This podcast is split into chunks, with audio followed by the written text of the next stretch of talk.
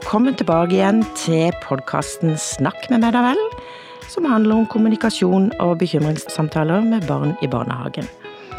Sist vi var sammen, så sa vi vel egentlig på slutten der at vi skulle snakke litt sånn videre i dag om når vet vi nok om de barna vi bekymrer oss for i forhold til vold og overgrep, til å vite hva vi skal gjøre.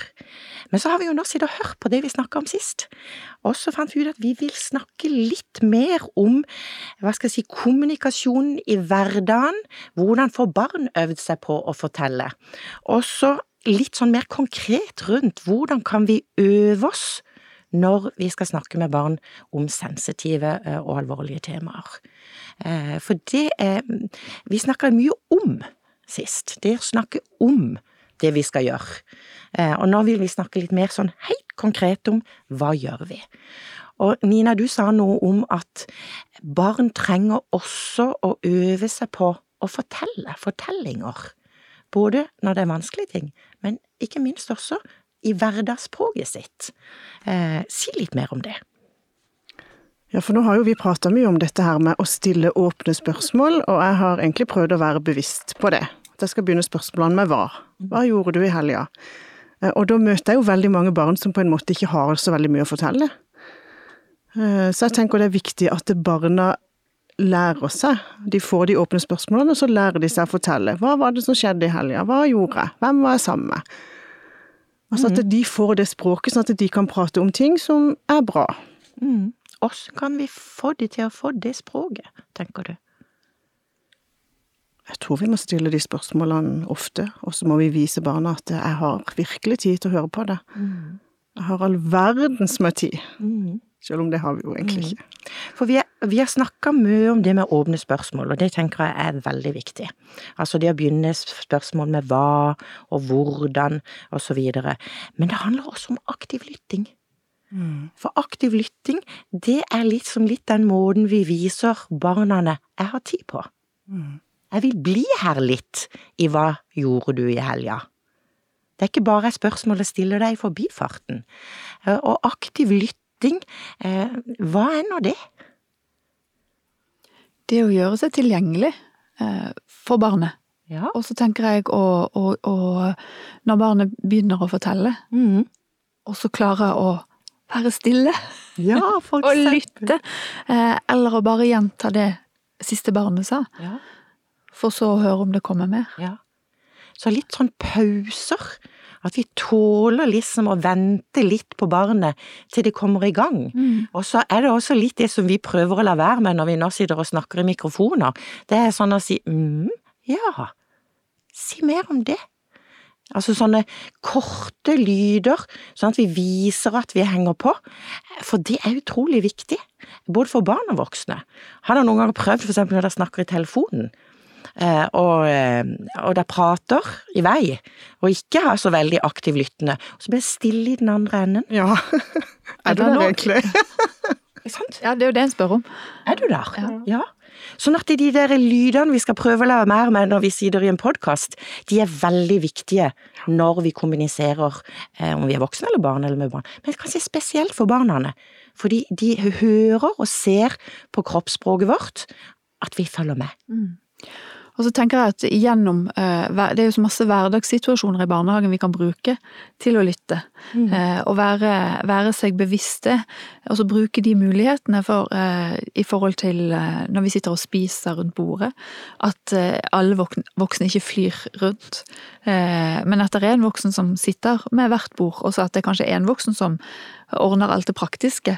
Eh, for da kan den voksne som sitter med det ene bordet da være til stede i en samtale, og eh, trene på sammen med barna og prate om, om, om livet, om det som skjer her og nå. Eh, I påkledning, eh, i dokø. Eh, å være, være der.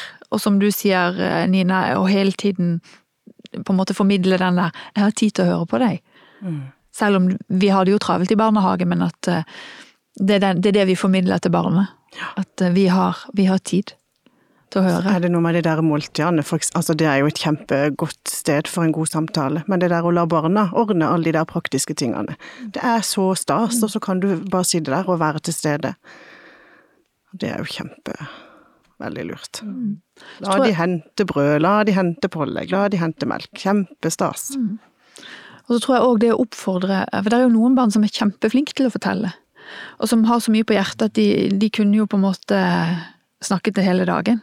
Men det å bruke de òg som rollemodeller, eh, og tenke at eh, dette kan de andre barna lære av. Bruke sam, samlingsstund hvis man har det, til å- og at barna kan fortelle noe. Så for da øver de seg på å fortelle noe til noen andre. Og så hører jeg deg si at vi må vise vi har tid. Kjempeviktig. Men jeg tenker det er én ting vi virkelig også må vise, og det er at vi har lyst. Vi har lyst til å høre på. Vi er interessert. Vi, vi liksom anerkjenner med språket vårt og holdningen vår og kroppsspråket vårt at jeg har lyst til å høre på hva du har gjort i helga. Altså når vi nå snakker om det der hverdagsspråket, hvordan skal vi bli, hjelpe barn til å bli fortellere? Eh, og hjelpe til å få språk, for det, er ikke bare i barnehagen det er hektisk. Det er hektisk hjemme òg, som regel. Det å ha tid. Eh, sånn at når vi viser at vi har lyst også, med, med hele oss, eh, så eh, er jeg helt sikker på at barn blir gode fortellere. Så de venner seg til å fortelle. Og vi har også snakka litt tidligere om det eh, å fortelle, så kan vi voksne hjelpe de til å fortelle om ulike lag, på en måte. Altså litt i det å fortelle om kontekst. Eh, Hvor var jeg, hvem var jeg sammen med, åssen så du ut der, og sånne ting. Og så det å for, også fortelle om handling. Hva er det vi gjør? Hva gjør vi sammen? Hvordan gjør vi det? Og så ikke minst, og kanskje aller mest, å spørre åssen er det for deg da? For det er jo du, du som vet best. Åssen er det for deg da? Både på de gøye tingene, men også på de vanskelige tingene. For mange barn eh, kan ha en liksom sånn Det å fortelle om handling eh, er ikke så komplisert. Men når de skal begynne å snakke om følelser, så kan det bli litt komplisert fordi de ikke har ord for følelser. Eh, ord, altså, å snakke om følelser eller å kjenne på følelser, det er noe vi skal øve på å lære. Og det gjør man jo sikkert også i barnehagen, da. Sånn at det vi nå kan litt oppsummere med, det er at noen barn er gode fortellere. Noen barn trenger å øve seg på å fortelle, og at vi kan støtte de og hjelpe de til det. Både ved å vise at vi har tid, og at vi har kjempelyst til å høre hva de har på hjertet. Eh, Men så er det oss voksne, da. Sist så snakka vi litt, eller ganske mye, om hva vi syns vi må gjøre. Eh, Nå har jeg litt lyst til at vi skal prøve å komme ned til hvordan gjør vi det? Altså, hvordan øver vi oss da på å bli gode til eh, å snakke med barn, og nå spesielt om sensitive og vanskelige ting? Ja, i Vennesla kommune der vi jobber begge to, så har vi jo jobbet systematisk med noe som vi kaller for ferdighetstrening.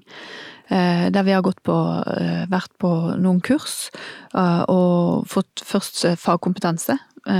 Og så skulle vi gjøre det gå trinnvis til verks og, og, og øve på helt konkret å prate med barn om, den, eh, om det som er viktig og kanskje vanskelig. Eh, og det har både styrere gjort, og pedagogiske ledere, og eh, noen fagarbeidere og assistenter har òg vært på kurs helt spesifikt for å øve på det en dag. Men så gjør vi det jo òg i den enkelte barnehage. At hele personalet skal øve på eh, ferdighetstrening. Altså øve på å prate med barn om det som er vanskelig. Åssen gjør dere det? I vår barnehage så har vi hatt det på personalmøte. Og da er det noen som har vært på et sånt ferdighetstreningskurs, som har eh, eh, hatt opplegget. Eh, da har de først en samling med Mikkel og Mina, som er to dokker eh, som har opplevd eh, litt ugreie ting i livene sine. Det går på vold, og det går på seksuelle overgrep. Så velger de en av fortellingene, og så har de en samlingsstund for oss voksne. Eh, Men det er òg noen som, av de ansatte som får utdelt roller, at de skal være barn. Og det er, litt, det er ganske spesielt å ha en sånn der voksne har samling for voksne som skal være barn. For det er jo en rolle man går inn i, da.